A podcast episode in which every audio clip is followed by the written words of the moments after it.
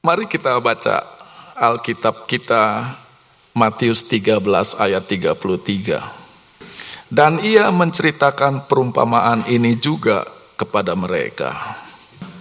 Hal kerajaan sorga itu seumpama ragi yang diambil seorang perempuan dan diadukan ke dalam tepung terigu tiga sukat sampai hamil seluruhnya. Kalau kita lihat, Tuhan Yesus sedang menceritakan perumpamaan. Itulah saya dia katakan kerajaan sorga itu seumpama. Jadi menggunakan suatu objek untuk menggambarkan objek yang lain. Dan ini yang perlu kita perhatikan. Bahwa perumpamaan menggunakan bahasa simbolis untuk menyampaikan satu poin. Yang jadi masalah, sering kali satu objek yang sama bisa digunakan untuk beberapa simbol. Contohnya adalah burung merpati. Di dalam Matius 10 ayat 16, uh, burung merpati digunakan sebagai simbol ketulusan atau kebersihan hati. Lihatlah aku mengutus kamu bagaikan anak domba di tengah-tengah serigala. Itulah sebabnya hendaklah kamu cerdik seperti ular dan tulus seperti merpati.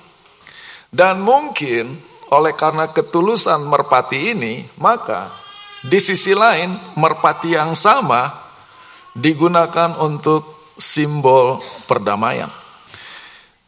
Mungkin ini diambil dari cerita Nabi Nuh di mana burung merpati dengan uh, tangkai zaitun di mulutnya terbang menggambarkan kabar baik.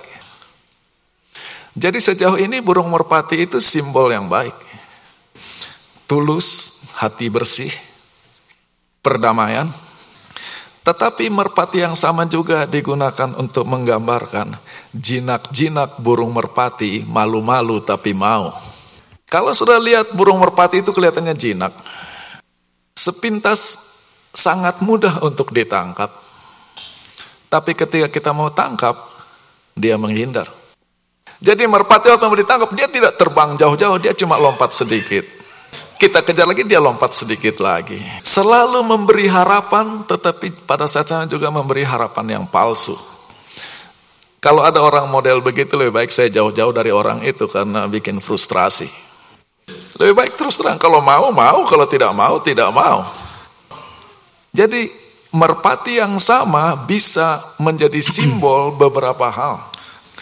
Dan demikian juga dengan ragi di Alkitab. Ragi di Alkitab mempunyai beberapa simbol. Salah satunya ragi itu menggambarkan dosa. Itulah sebabnya ketika kita perjamuan, kita makan roti tidak beragi, menggambarkan kemurnian. Tetapi di sisi lain, terutama di dalam perumpamaan Tuhan Yesus di Matius 13 ayat 33, perumpamaan yang hanya satu ayat tanpa penjelasan, Ragi mempunyai simbol yang lain dan sifatnya positif. Hal kerajaan sorga itu seumpama ragi yang diambil seorang perempuan dan diadukan ke dalam tepung terigu tiga sukat. Coba posisikan diri kita di dalam pendengar Tuhan Yesus waktu itu. Pendengar Yesus pada waktu itu adalah umumnya orang Ibrani dan mereka sangat akrab dengan Alkitab Perjanjian Lama. Jadi ketika Tuhan Yesus mengucapkan kata-kata ini, kerajaan sorga itu seumpama ragi yang diambil seorang perempuan dan diaduk ke dalam tepung terigu tiga sukat. Apa kira-kira simbol atau imajinasi yang muncul di pikiran mereka? Alkitab Perjanjian lama punya cerita tentang wanita dengan tepungnya.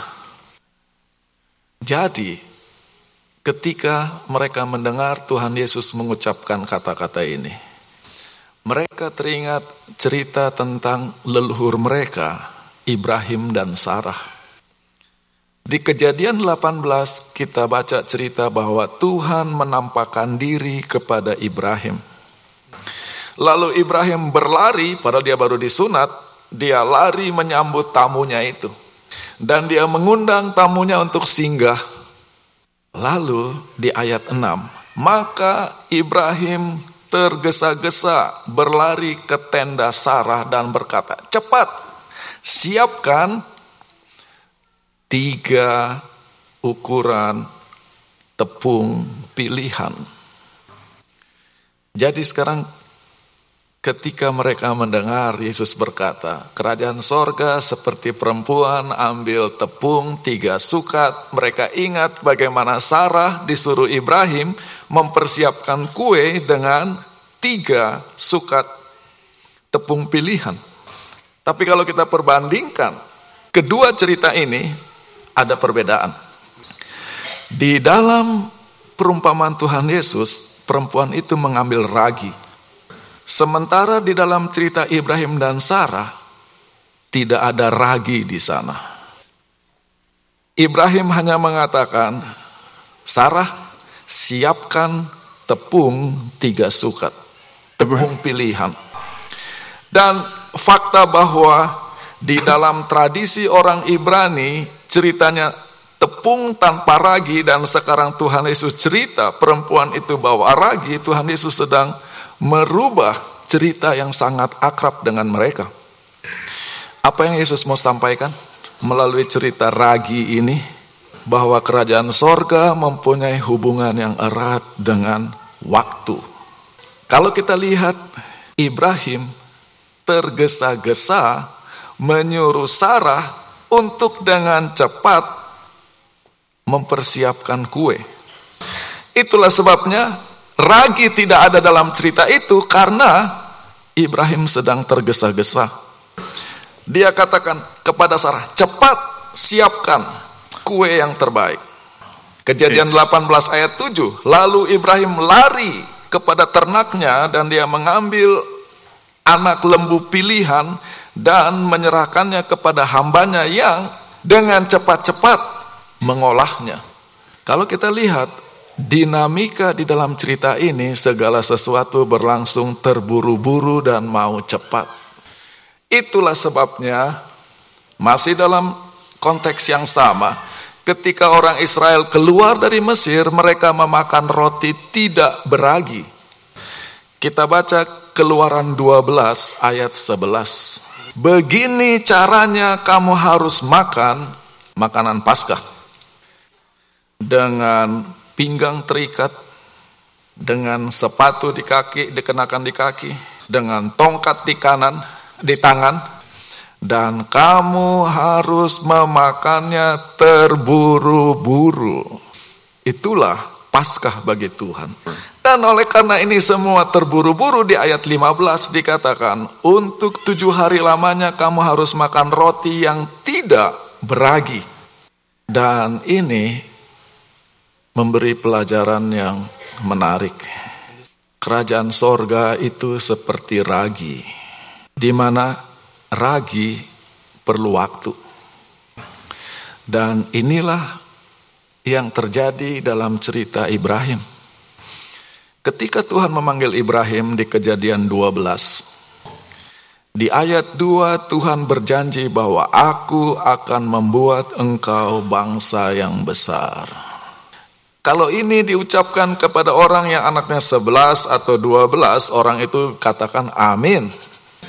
Tetapi kalau kata-kata ini disampaikan kepada pasangan yang mandul dan sudah umur 75, ini adalah janji yang sangat indah. Maka begitu Ibrahim menurut, dia setiap hari lihat-lihat perut istrinya, kapan perut istrinya akan berubah. Tuhan berjanji saya akan jadi bangsa yang besar. Tetapi kelihatannya Tuhan bekerja sangat lambat. Sampai beberapa tahun kemudian Tuhan berkata, Ibrahim upahmu akan sangat besar. Dan inilah jawaban Ibrahim. Tuhan apa yang engkau akan berikan kepadaku? Aku tidak punya anak. Dan di ayat 3 dari kejadian 15 dikatakan, engkau tidak memberi kepadaku keturunan. Menunjukkan bahwa Ibrahim mulai frustrasi menunggu kegenapan janji Tuhan. Dan bukan hanya Ibrahim, Sarah juga merasakan perasaan yang sama. Kejadian 16 ayat 1 dan 2. Sarah istri Ibrahim tidak memberi dia anak. Ayat 2, maka Sarah berkata kepada Abram, Lihat, Tuhan telah mencegah aku dari bisa punya anak. Baik Ibrahim maupun Sarah menunjuk situasi mereka tidak punya anak sebagai Tuhan punya tindakan. Kenapa mereka persalahkan Tuhan?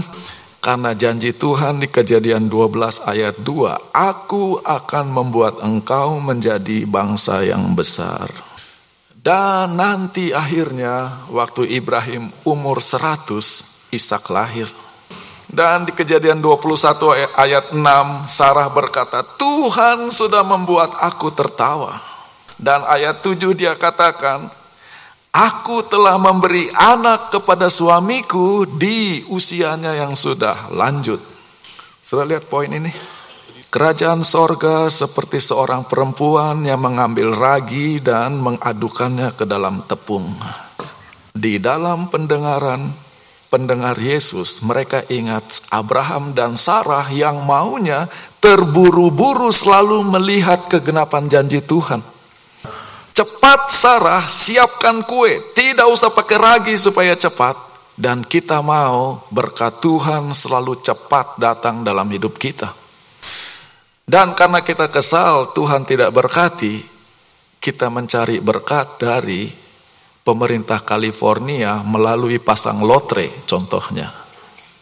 Ragi menggambarkan bahwa cara bekerja Tuhan atau yang lebih tepatnya Waktu Tuhan beda dari waktu kita. Ada salah seorang penyanyi dari Maranatha Singers, namanya Diane Ball, menggunakan ayat di pengkhotbah 3 ayat 11. Ia menjadikan segala sesuatu indah pada waktunya. Itulah sebabnya dia menciptakan lagu In his time, in his time, in his time. He makes all things beautiful in his time. Masalahnya kita mau waktu kita yang berjalan bukan waktu Tuhan. Kerajaan sorga seperti ragi, ragi perlu waktu. Dan hamba Tuhan Ellen White di dalam buku Evangelism mengingatkan kita dalam menginjil, dalam mendidik jiwa-jiwa, kita perlu sabar, perlu waktu. Di dalam buku Evangelism halaman 374, jiwa-jiwa yang tulus, yang menerima kebenaran sabat di dalam hukum keempat, akan melihat dan mengerti tanggung jawab mereka pada waktunya. Tetapi bagi sebagian orang untuk bisa percaya dan menerima kebenaran perlu waktu kata Ellen White. Dan sering kali poin-poin kebenaran bukan satu hal untuk didesak-desak dan dipaksakan kepada orang yang baru menerima kebenaran. Karena kebenaran itu bekerja seperti ragi. Prosesnya lambat dan kelihatan tidak ada yang terjadi, tetapi sebetulnya sedang bekerja. Kalau saja pendeta-pendeta, penginjil-penginjil tidak terlalu terburu-buru dan tergesa-gesa, bahkan jadi merusak rencana pekerjaan Tuhan. Jadi kita bikin ceramah lima hari sudah mau punya baptisan seratus. Bagaimana kita sudah bikin ceramah 20 kali orangnya datang terus tapi tidak mau ambil keputusan. Kerajaan sorga itu seperti ragi perlu waktu. Itulah ragi dari cerita Ibrahim dan Sarah. Kerajaan sorga seperti perempuan yang mengambil tepung tiga sukat. Kita baca cerita lain tentang perempuan dengan tepungnya di Alkitab. Nabi Elia diutus Tuhan untuk pergi menumpang di rumah seorang janda di Sarfat. Perempuan itu katakan, saya tidak punya roti.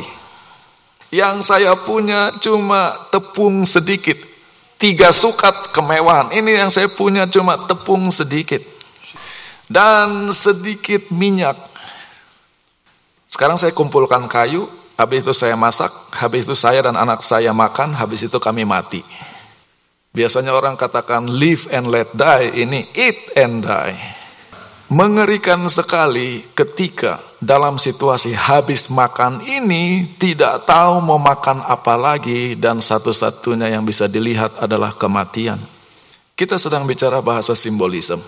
Konteks cerita ini adalah kekeringan yang akan terjadi kepada Israel. Kenapa? Nabi Tuhan hanya satu, Elia. Nabi Baal ada 400. Dan seluruh negeri sudah menjadi penyembah Baal. Sementara terjadi kekeringan di alam, Israel sedang mengalami kekeringan rohani. Dan Tuhan mengatakan kepada Elia, pergi bersembunyi di tepi anak sungai yang namanya Kerit. Di dalam cerita selanjutnya dikatakan anak sungai Kerit itu di ayat 7 di satu Raja-Raja 17 kering.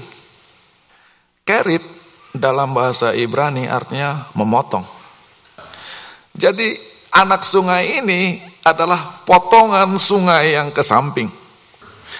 Tetapi di sisi lain bahwa Elia bersembunyi di tepi sungai Kerit yang artinya memotong menggambarkan bagaimana hubungan Tuhan dengan umatnya sedang terputus.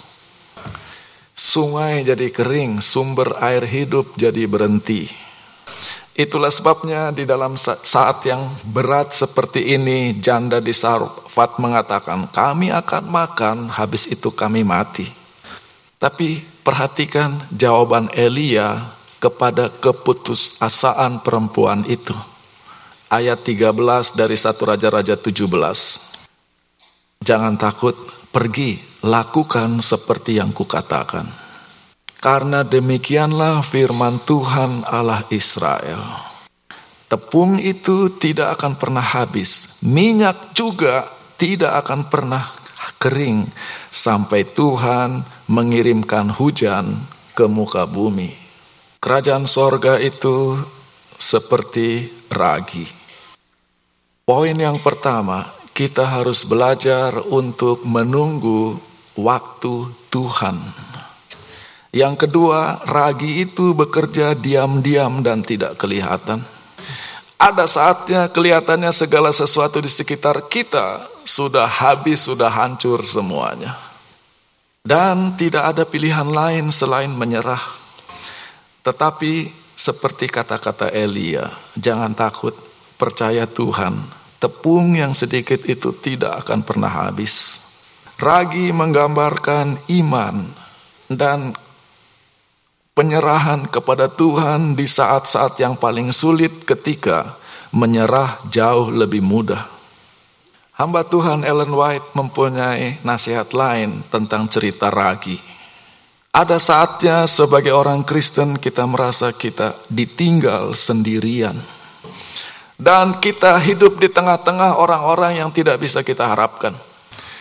Tetapi katanya, sering kali kita ditempatkan dalam situasi seperti itu, bagaikan sepotong ragi yang diaduk ke tepung tiga sukat.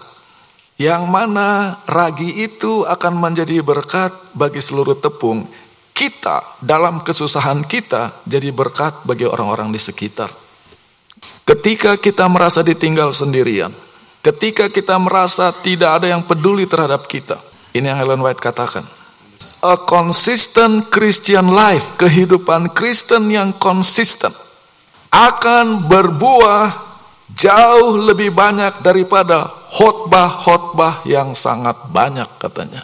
Jadi kita dalam kesusahan setia kepada Tuhan itu seperti ragi yang mengembangkan seluruh roti, kita jadi berkat lebih dari khotbah-khotbah.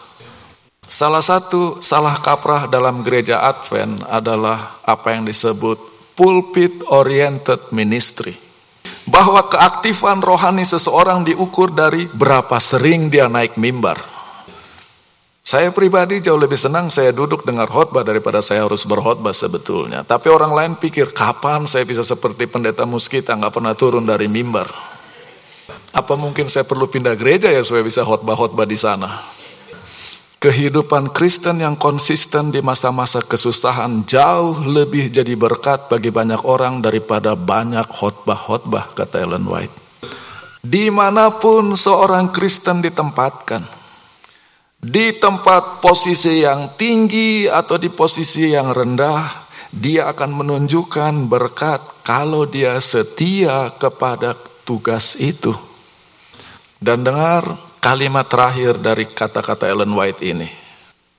Ketidakadaan pencobaan dan kesusahan bukanlah tempat yang baik untuk pertumbuhan tabiat Kristen. Seringkali kita berdoa, kapan hidup saya tidak punya kesusahan? Tetapi Ellen White di dalam buku Sketches from the Life of Paul halaman 299 sampai 300 mengatakan justru Ketika hidup kita tidak ada kesusahan, tidak ada pencobaan, tidak ada pergumulan, tabiat kita tidak bertumbuh dan berkembang. Seperti perempuan itu, sering kali kita merasa habis makan hari ini saya akan mati. Kerajaan sorga seperti ragi. Kita tidak mengerti mengapa Tuhan menempatkan kita dalam situasi seperti ini. Tetapi Tuhan berjanji, akan memelihara kita sebagaimana dia memelihara janda itu. Dan Ellen White menggunakan cerita itu untuk menyampaikan satu pesan. Kalau kita setia kepada Tuhan dalam kesusahan, itu jauh lebih efektif dari khotbah-khotbah sebanyak apa pun. Tuhan memberkati kita semua.